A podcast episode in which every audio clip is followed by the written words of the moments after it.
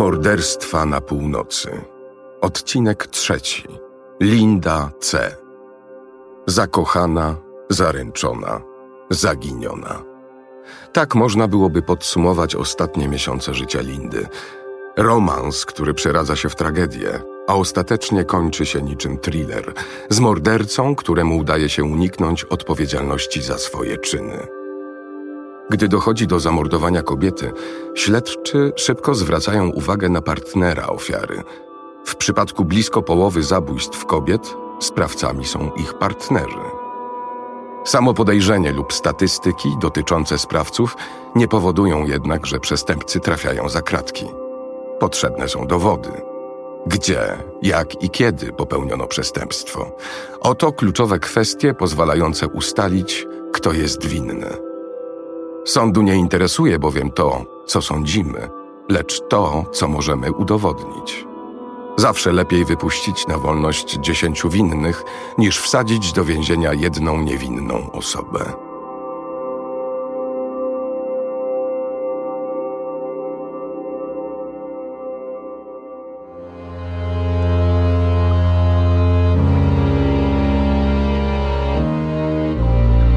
Słuchasz Morderstw na Północy. Serii podcastów o kilku z najgłośniejszych przypadków morderstw Skandynawii.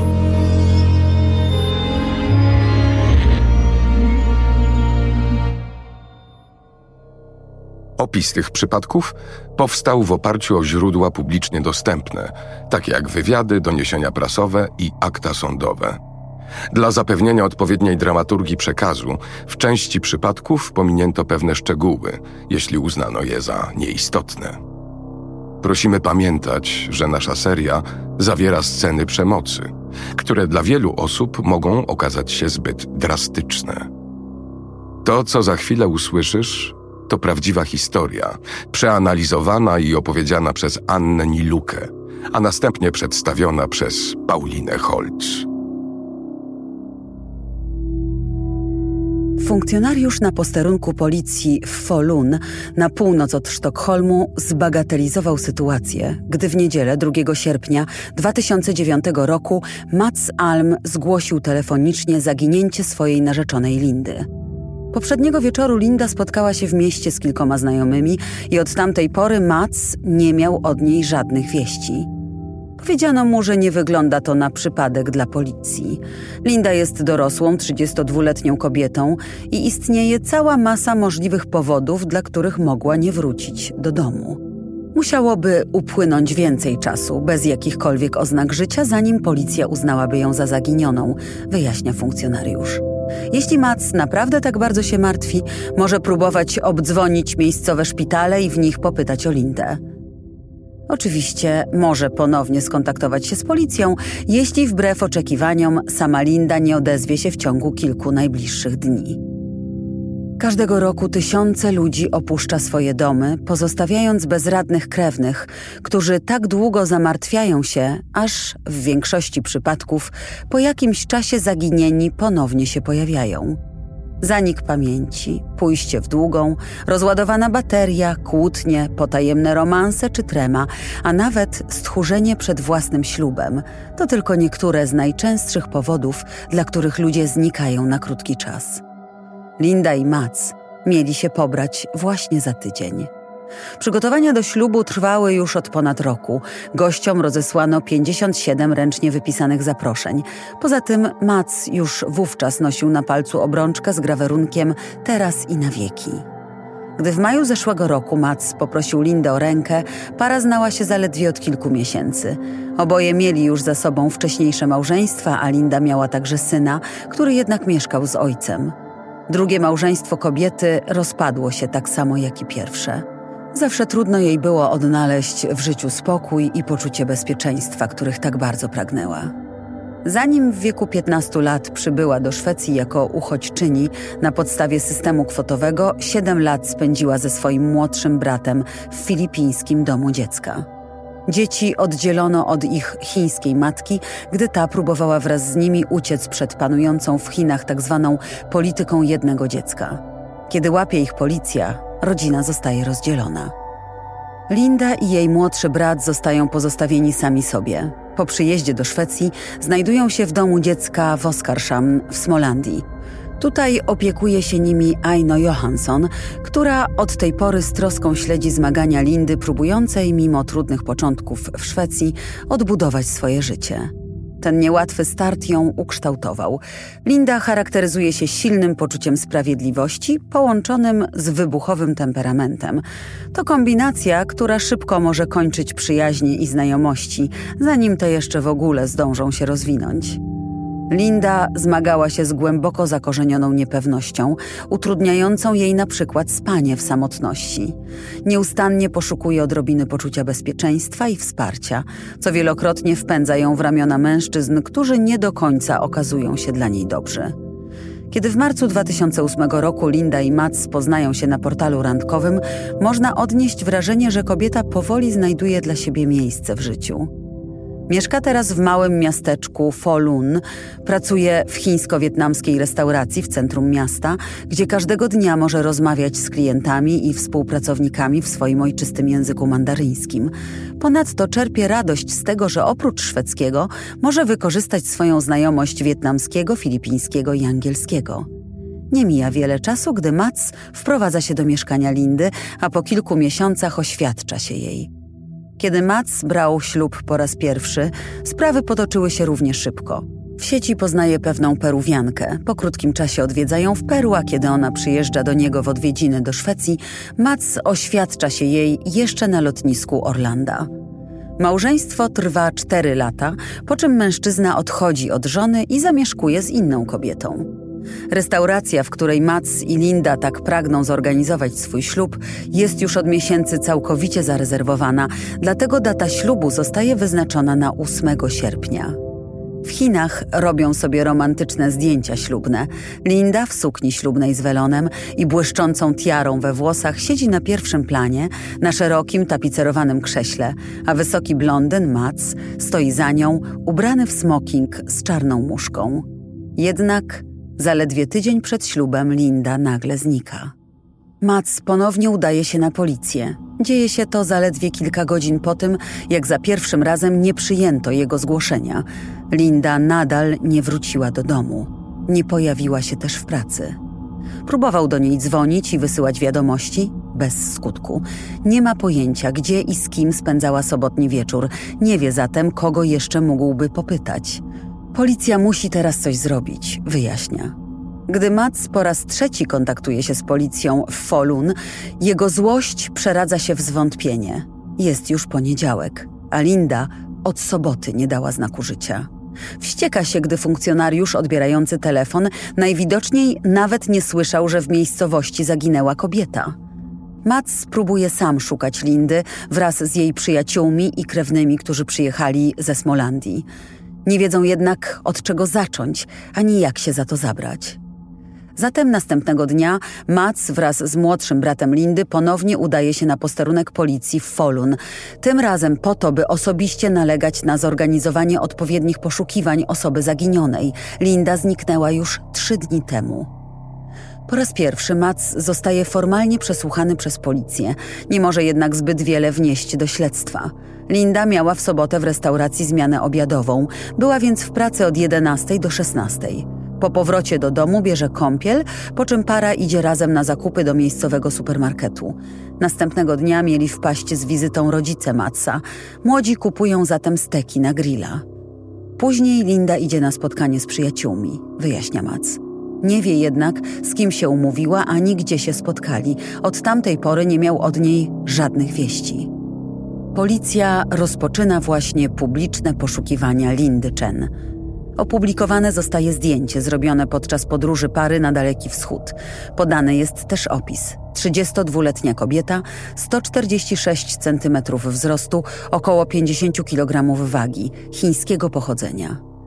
Według Matsa Linda była ubrana na biało. Miała na sobie białą sukienkę, białe leginsy, białe buty na wysokim obcasie i białą torebkę. Wiadomość o zniknięciu Lindy całkowicie zaskakuje matkę zastępczą kobiety, Aino Johansson, w jej domu w Smolandii. W gazecie natyka się ona na rysopis i zdjęcie Lindy. Będąc ciągle w szoku, próbuje dodzwonić się do Matsa i dziwi się, że ten w ogóle się z nią nie skontaktował. Rozmawiał z kilkoma dziennikarzami, ale do Aino nie dotarł. Kiedy w końcu udaje jej się złapać Matsa przez telefon, musi być jeszcze bardziej zaskoczona. Spodziewała się nieszczęśliwego, a może nawet zrozpaczonego mężczyzny, tymczasem ten wydaje się raczej mile zaskoczony rozmową z Aino. Nie słychać by był zmartwiony czy przygnębiony. Policja w Folun próbuje prześledzić trasę, jaką przebyła Linda w godzinach poprzedzających jej zniknięcie. Przepytują krewnych, przyjaciół i współpracowników oraz szukają śladów cyfrowych. Kamera monitoringu w supermarkecie, w którym Linda i Mats kupili steki, zarejestrowała parę wychodzącą razem ze sklepu w sobotę o 16.38. Widać uśmiechniętą Lindę wychodzącą z supermarketu pod rękę ze swoim narzeczonym, któremu ledwo sięga do ramienia. Kobieta ma na sobie białą letnią sukienkę. Do tego białe leginsy i parę płaskich brązowych sandałów. Jej czarne włosy są wysoko upięte. Na szyi ma naszyjnik z białych pereł. Według zeznań Matsa, wychodząc później wieczorem, ma na sobie to samo ubranie, zmieniła tylko buty. Aino, która znała Lindę jeszcze jako nastolatkę, jest tym zdziwiona. Dziewczyna zawsze bardzo dbała o swój wygląd. Nigdy nie wyszłaby wieczorem na miasto bez wcześniejszego przebrania się. Jej matka zastępcza jest tego pewna. Jest również zaskoczona, że według słów Matsa Linda zamieniła płaskie sandały na starannie dobrane buty dla panny młodej, kupione specjalnie na zbliżający się ślub. Ani sąsiedzi, ani inni potencjalni świadkowie nie mogą udzielić żadnych wskazówek, które pomogłyby policji w poszukiwaniach Lindy. Nikt jej nie widział. W związku z tym zeznanie Matsa jest na razie jedyną rzeczą, na której mogą się oprzeć śledczy. Mężczyzna opisuje na przykład, jak w sobotnie popołudnie, po wizycie w supermarkecie, jeździli razem po okolicy Folun. Chcieli dopracować ostatnie szczegóły dotyczące ślubu, wyjaśnia Mats, i udali się do Torsong, gdzie można wybrać się na rejs statkiem parowym. Poza tym przejeżdżali też obok restauracji, w której miała się odbyć impreza weselna, ale była ona zamknięta. W miarę jak śledczy coraz intensywniej badają sprawę zaginięcia Lindy Chen, szybko natrafiają na fakty, które nie do końca pokrywają się z niektórymi zeznaniami Matsa. Z danych operatora telefonicznego wynika, że Mats wysłał w sobotę wieczorem o 20 wiadomość do swojego znajomego. W tym czasie znajdował się 30 kilometrów od swojego domu i około 10 kilometrów od wspomnianego parowca w Torsong. Wykorzystując dane ze zdjęć w aparacie cyfrowym Lindy, prowadzący dochodzenie dowiadują się, że parowiec został przez nią sfotografowany już w czwartek, dwa dni przed feralną sobotą. Restauracja, która podczas ich wspólnej podróży miała być rzekomo zamknięta, okazała się jednak otwarta. Miejsce to odwiedziło tego wieczoru wielu gości, gdyż odbywała się tam duża impreza.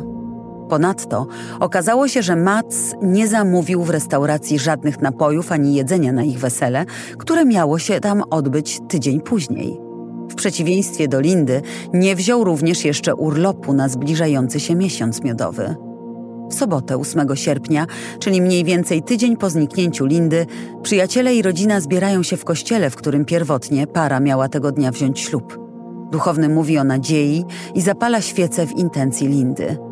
Jak może zakładać, że Linda nie żyje? Szepcze Mac do matki zastępczej Lindy, która siedzi obok niego w ławce. Jej zdaniem to dziwne pytanie, bo choć wszyscy bardzo martwili się o Lindę, to przecież kapłan w żaden sposób nie wspomniał o śmierci, a wręcz przeciwnie.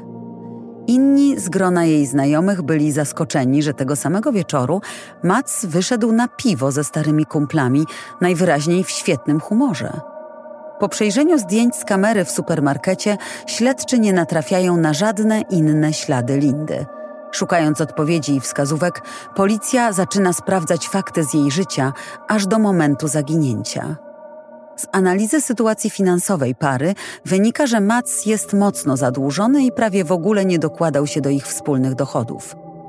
Mężczyzna co prawda płaci rachunki, jednak to Linda zarabiała pieniądze, z których je opłacano – na wyciągach bankowych widać wiele przelewów od niej na jego konto. Jako świeżo upieczony nauczyciel języka, Mats ma niewielkie dochody i Linda musiała odłożyć na później swoje marzenia o zdobyciu zawodu pielęgniarki. Dzięki pensji z restauracji udaje jej się związać koniec z końcem i utrzymać siebie i swojego narzeczonego. Pieniądze były też tematem wideo, które Linda nagrała w domu przy stole. Panuje wesoły nastrój, a Linda chichocze, gdy Mats żartuje przed kamerą, że prawdopodobnie będzie musiał ją zabić, żeby zdobyć pieniądze z polisy na życie, którą właśnie razem podpisali. Żartując, wspomina też o testamentach i o tym, że chętnie zmieniłby testament Lindy, tak by po jej śmierci to on był jej jedynym spadkobiercą i nie musiał dzielić mieszkania z jej synem z pierwszego małżeństwa.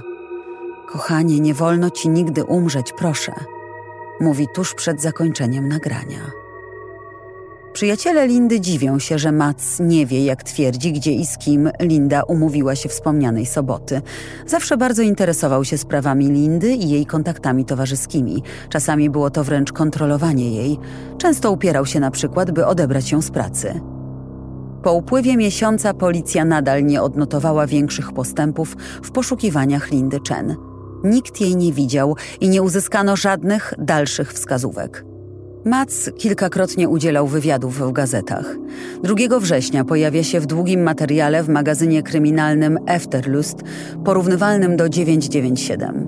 W programie śledczy siedzą w studiu i odbierają telefony od telewidzów mających wskazówki dotyczące spraw, którymi się zajmują. Gospodarzem programu jest znany pisarz i kryminolog Leif Persson – który w studiu szczegółowo analizuje i komentuje poszczególne przypadki. W materiale o zaginięciu Lindy Mats wypowiada się powściągliwym, czasem nawet łamliwym głosem. Pokazuje widzom suknię ślubną Lindy, piękną czerwoną kreację, którą kupiła w Chinach. Na końcu opowiada o nieskończonej liczbie daremnych łez, które wylał. Brzmi, jakby porzucił nadzieję, że kiedykolwiek odnajdzie Lindę żywą. Nie mogłaby uciec dobrowolnie, bo zostawiła w mieszkaniu zarówno paszport, jak i kartę kredytową. Nie otrzymał też żadnego listu z żądaniem okupu ani niczego podobnego, dlatego mało prawdopodobne było, że została porwana i jest gdzieś przetrzymywana. Po emisji materiału o zniknięciu Lindy, kryminolog w studiu zgadza się z oceną Matsa, że istnieje duże prawdopodobieństwo, że coś musiało się jej przydarzyć. Posuwa się jednak trochę dalej. Coś musiało się stać – być może została zabita. Jeśli rzeczywiście tak jest, to mam bardzo mocne podejrzenia, gdzie należy szukać sprawcy, mówi Leif Persson. Staje się bardziej konkretny i wyjaśnia, że większość zabójstw kobiet jest popełniana przez ich partnerów. W kolejnych dniach Persson komentuje swoje podejrzenia w kilku gazetach. Podkreśla, że wystąpienie Matsa w telewizji wyglądało zdecydowanie mało przekonująco. Zarzucał Matsowi kiepskie aktorstwo. Mats odrzuca insynuacje Persona, ma teraz ważniejsze sprawy, na których musi się skupić niż wymysły starego człowieka, który zarabia na życie pisząc kryminały i występując w telewizji. W połowie września Mats ma ponownie zostać przesłuchany przez policję, ale o wyznaczonej godzinie nie pojawia się na komisariacie. Funkcjonariusze na próżno próbują znaleźć go w domu, a kiedy dowiadują się, że nie pojawił się też w pracy, wystawiają list gończy. Dwa dni później, w piątek 18 września, młody mężczyzna bez butów i z nagim torsem wybiega z lasu w pobliżu Rotwik, 30 kilometrów na północ od Folun. Kiedy w końcu na terenie działek z domkami letniskowymi spotyka dwóch zszokowanych mieszkańców, krzyczy tylko: Zadzwońcie po policję, po czym pada na podwórku. Ciało mężczyzny jest poparzone, jego włosy spalone, a na nadgarstkach ma widoczne rany. Gdy na miejsce przyjeżdża policja, mężczyzna nadal leży na podwórku w bezpiecznej pozycji pod kocem. Ciągle płacze i mówi tak niespójnie, że trudno go zrozumieć. Wkrótce okazuje się jednak, że tym mężczyzną jest Mats Alm. Szlochając wyjaśnia, że odnalazł swoją zaginioną narzeczoną. Nie żyje. Dopiero po jakimś czasie z chaotycznych wypowiedzi Matsa da się wyłuskać coś konkretnego. Opowiada, że ocknął się w lesie, gdy jego ubranie stanęło w płomieniach. Tuż obok niego, w roju much, leżało ciało Lindy. Była ukryta pod stertą gałęzi i chaszczy, ale nie miał wątpliwości. To była ona. Śledczy z psami przeszukują las. Dość szybko trafiają na ślady ogniska w pobliżu małej, czerwonej chatki, w skądinąd dość ustronnym zakątku lasu. Za dużym kamieniem jeden z przewodników odkrywa w końcu bosą stopę, ledwo widoczną pod stertą liści i połamanych gałęzi. Ze względu na czas spędzony w lesie, zwłoki są już w tak zaawansowanym stanie rozkładu, że nie da się na miejscu z całą pewnością zidentyfikować zmarłej kobiety jako Lindy Chen.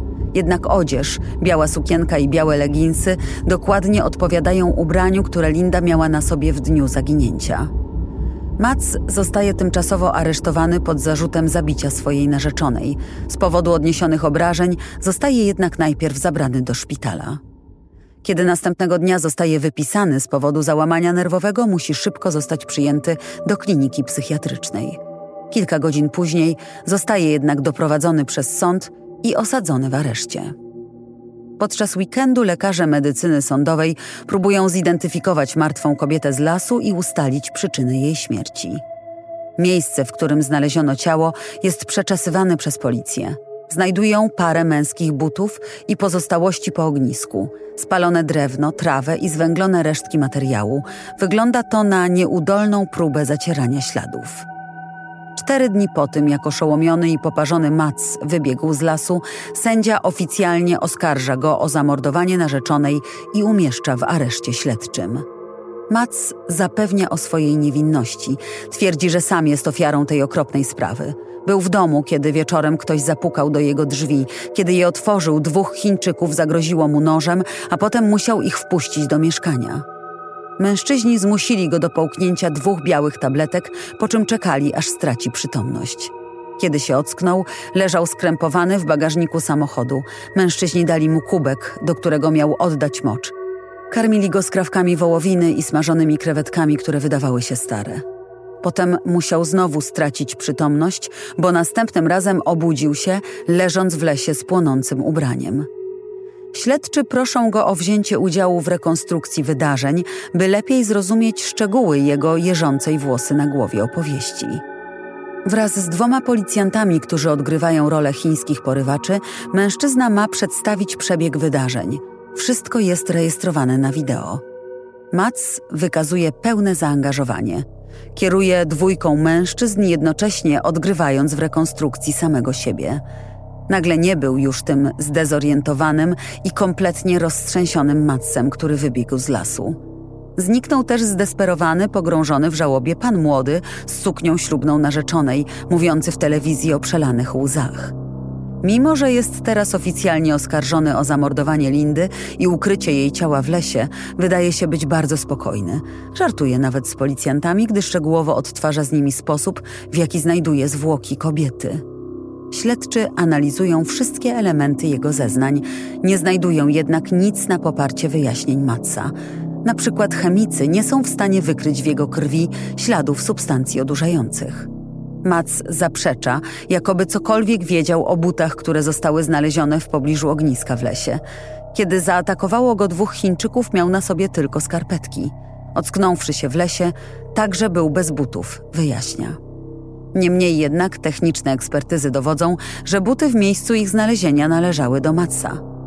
Teoria policji mówi, że Mats zabił Lindę w jakimś bliżej nieznanym miejscu, prawdopodobnie po przetrzymywaniu jej przez jakiś czas w niewoli. Następnie miał przenieść ciało kobiety do lasu, do miejsca, w którym je później znaleziono. Wrócił tam później, by pozbyć się dowodów i zniszczyć ślady. Wiele w tej sprawie pozostaje jednak nadal bez odpowiedzi.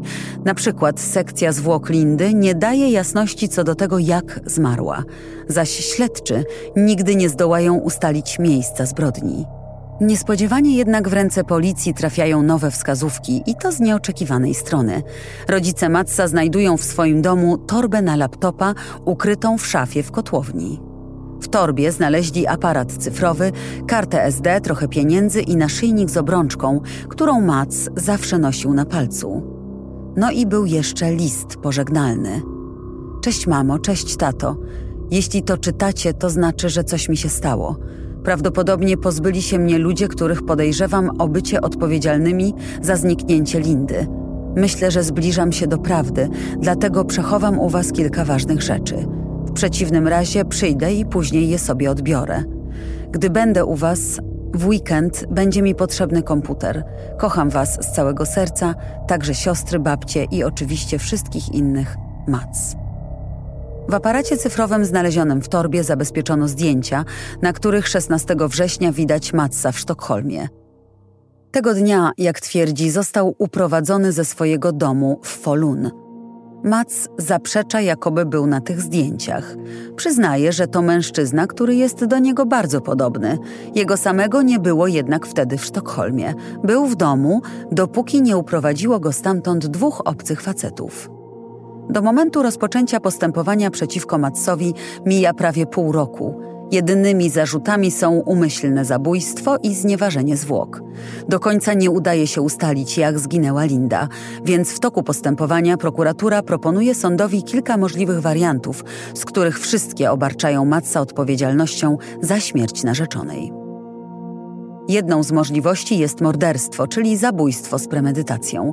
Nie można też wykluczyć nieumyślnego spowodowania śmierci, np. kłótni, która eskaluje i kończy się katastrofą. I wreszcie istnieje możliwość, że Linda zginęła na skutek wypadku. Mimo, że prokuratura nie potrafi odpowiedzieć na pytanie, jak do tego doszło, to jest ona pewna, że Mats ponosi winę za śmierć Lindy. Proces Matsa odbywa się w marcu 2010 roku w sądzie rejonowym w Folun.